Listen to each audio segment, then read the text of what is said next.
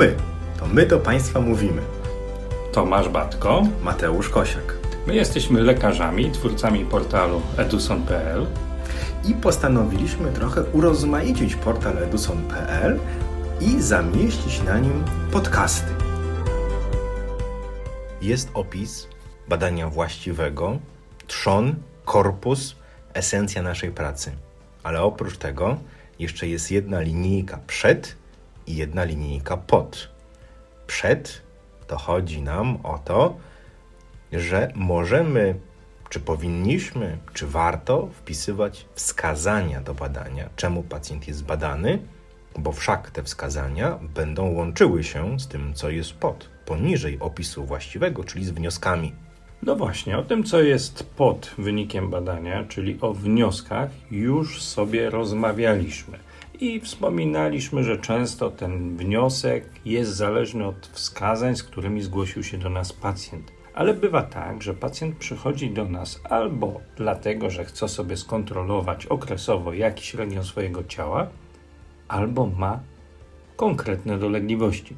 No i pojawia się słuszne pytanie z Twojej strony, czy wpisywać, czy nie wpisywać w wyniku badania USG wskazania, z powodu których pacjent się do nas zgłosił.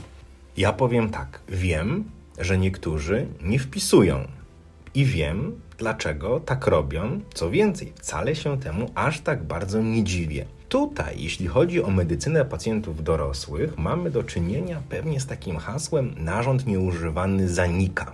Trochę mam tutaj na myśli, że zanikła kultura wpisywania na skierowaniu badania, co to badanie do końca ma wyjaśnić. Więc wpisuje się R10, wpisuje się I10, wpisuje się K80, SUSP i tego typu rzeczy czytamy sobie na skierowaniu. Mimo, że ta kultura, nawyk wpisywania, dlaczego pacjent jest badany, zanikła, to rozwinęła się druga kultura zbierania wywiadu podczas badania. I tutaj dochodzimy do tego, że pomimo, że niektórzy nie wpisują, ja ich rozumiem, to ja tobie powiem jednak i Państwu, no, że ja wpisuję. My gdzieś tam trochę w kuluarach o tym rozmawialiśmy ze sobą i ja Ciebie rozumiem. Natomiast wiele sytuacji, takich miejsc, w których pracujemy, znosi z nas obowiązek wpisywania tego w wynik badania USG, bo pracujemy w tych systemach informatycznych, które są ujednolicone. My w nich widzimy skierowanie, z jakim się zgłosił pacjent, wskazania do badania i w tym samym systemie zamieszczamy nasze wyniki badań z wnioskami odpowiednimi. Z drugiej strony bywa tak, że pacjent przychodzi z jednym problemem, wychodzi z drugim problemem. Bywa tak, że my nie jesteśmy w stanie rozwiązać problemu, który jest widoczny na skierowaniu, co rzeczywiście wskazuje na konieczność odniesienia się do tego, czy to we wstępie badania, czy we wniosku badania. Ja wpisuję z dwóch powodów. Powód pierwszy, że jeżeli pacjent zgłasza się z jakąś dolegliwością, przypadłością, problemem, na przykład dorosły człowiek zgłasza się na USG z powodu krwiomoczu. Wykonujemy badanie USG. W tym badaniu USG nie znajdujemy przyczyny tego krwiomoczu. Wpisujemy obraz narządów jamy brzusznej prawidłowy, bo tak owy udało nam się uwidocznić. Ale pacjent nie jest zdrowy. My wykluczyliśmy te możliwości, przyczyny krwiomoczu, na których wykluczenie pozwala ultrasonografia. Aby to badanie w pełni było zrealizowane, musimy powiedzieć, że ze względu na krwiomocz wskazana jest dalsza diagnostyka u tego pacjenta, czy to cystoskopia, czy to z kolei tomografia komputerowa z kontrastem, tak żeby moczowody uwidocznić, czy tam się rak nie czai, czy być może po prostu analiza układu krzepnięcia.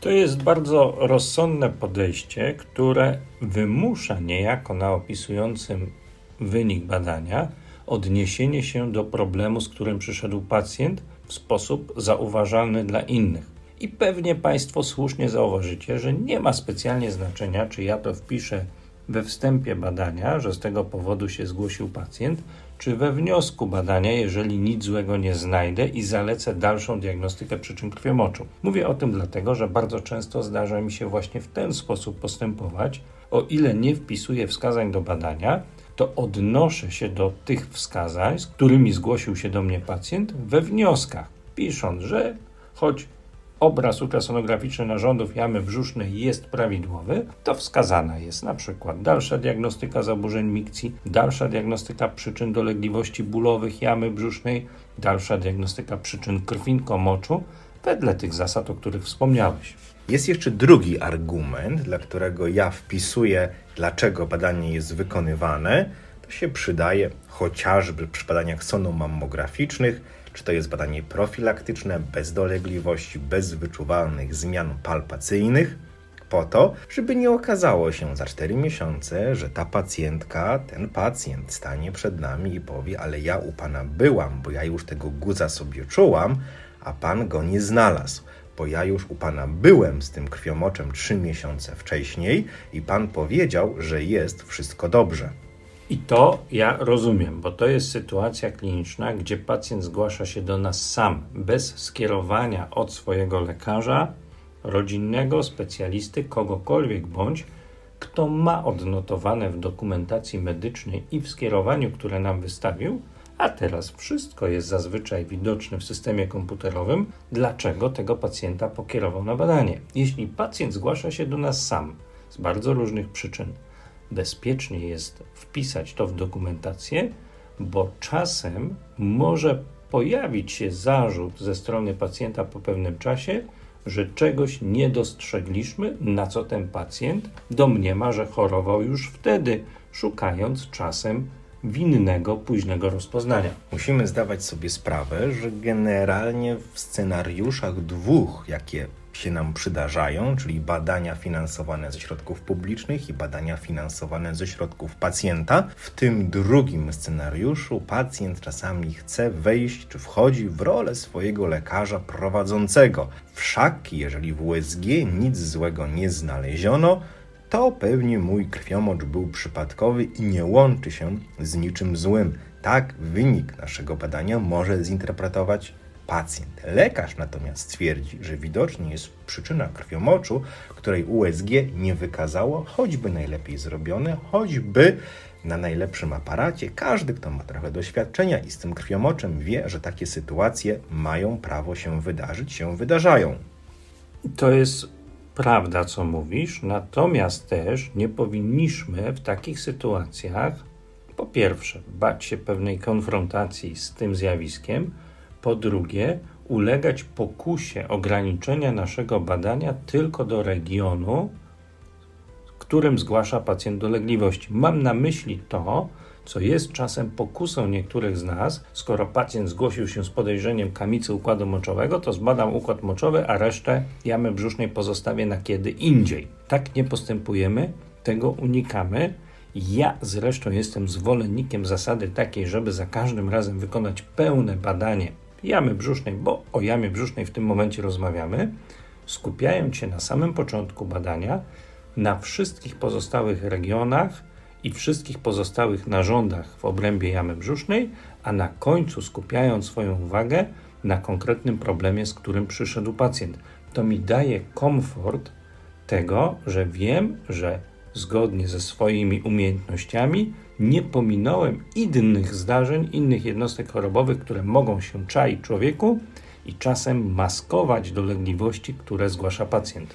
Zgadzam się, to jest świetne podejście, albowiem czasami pacjent znowu wraca do krwiomoczu, przychodzi z tegoż to krwiomoczu spowodowanego zakażeniem pęcherza moczowego. Koncentrujemy się tak bardzo na tym jednym objawie, że na przykład nie zauważymy, czy przegapimy, czy nie poświęcimy wystarczająco dużo staranności na to, że pacjent ma tętniaka aorty ponad 5,5 cm, gdzieś w kłębowisku gazów jelitowych czy tętniaka tętnicy biodrowej, którego powinniśmy także odnaleźć przy okazji badania, choćby z, z okazji krwiomoczu, z błahych dla tego pacjenta powodów, jak zakażenie pęcherza moczowego niezwiązane z chorobą nowotworową. I jest jeszcze jedna sytuacja, o której warto wspomnieć, sytuacja, kiedy my wykonujemy rzeczywiste badanie point of care. To jest oczywiście to badanie, które zazwyczaj jest związane brakiem wyniku, który dostaje pacjent. Jestem lekarzem rodzinnym, pracuję w przychodni, pracuję na oddziale, wykonuję badanie dla u mojego pacjenta po to, żeby rozwiązać konkretny problem kliniczny. Wpisuję to w dokumentację medyczną, zaznaczając, że nie uwidoczniłem bądź uwidoczniłem cechy choroby, której poszukiwałem u mojego pacjenta, zaznaczając jednocześnie, że było to badanie point of care, które miało odpowiedzieć mi na konkretne wątpliwości pojawiające się w trakcie zbierania wywiadu bądź badania fizykalnego. Bo to badanie point of care, które wykonujesz, jest elementem rozbudowania badania podmiotowego, przedmiotowego, a nie osobną jednostką czynności lekarskiej oceniającą narządy jamy brzusznej. Jest jeszcze jedna, trzecia sytuacja, kiedy lubię sobie wpisać przed wynikiem badania, z jakiego powodu pacjent jest badany, po to, aby niejako spersonalizować opis jego badania, albowiem jeżeli mam pacjenta z dolegliwościami bólowymi prawego podżebrza, prawego nadbrzusza, rozbudowuję nie tylko, że pęcherzyk żółciowy prawidłowy, ale że nie uwidoczniono ech wewnętrznych, że podatny na ucisk głowicą, że PZW nieposzerzony bez widocznych ech wewnętrznych, niejako dając odczuć, że skupiłem się ponadstandardowo na dolegliwości po to, aby w pełni wykorzystać potencjał ultrasonografii. Do tego też Państwa zachęcamy, bo warto jest mieć szablon, wzór opisu prawidłowego badania USG, bo jeśli przyjdzie nam podpisać się pod takim dokumentem, to niewątpliwie zauważymy raz na jakiś czas, że jakiegoś narządu nie zbadaliśmy na tyle dokładnie, żeby móc się pod tym podpisać. Ale pamiętajmy, że nie możemy być niewolnikami tego wzoru, tylko musimy go modyfikować w zależności od wskazań do badania USG. To o czym mówisz? Rozbudujemy czasem niektóre elementy tego opisu, żeby dać sygnał, że wiemy, czego szukaliśmy. Tylko to rozbudowanie nie powinno obniżać jakości oceny innych zakamarków ciał naszych pacjentów. Bądźmy elastyczni, bądźmy dynamiczni, bądźmy czujni, wszak wróg czuwa. Wow! Do usłyszenia. Do zobaczenia, do usłyszenia.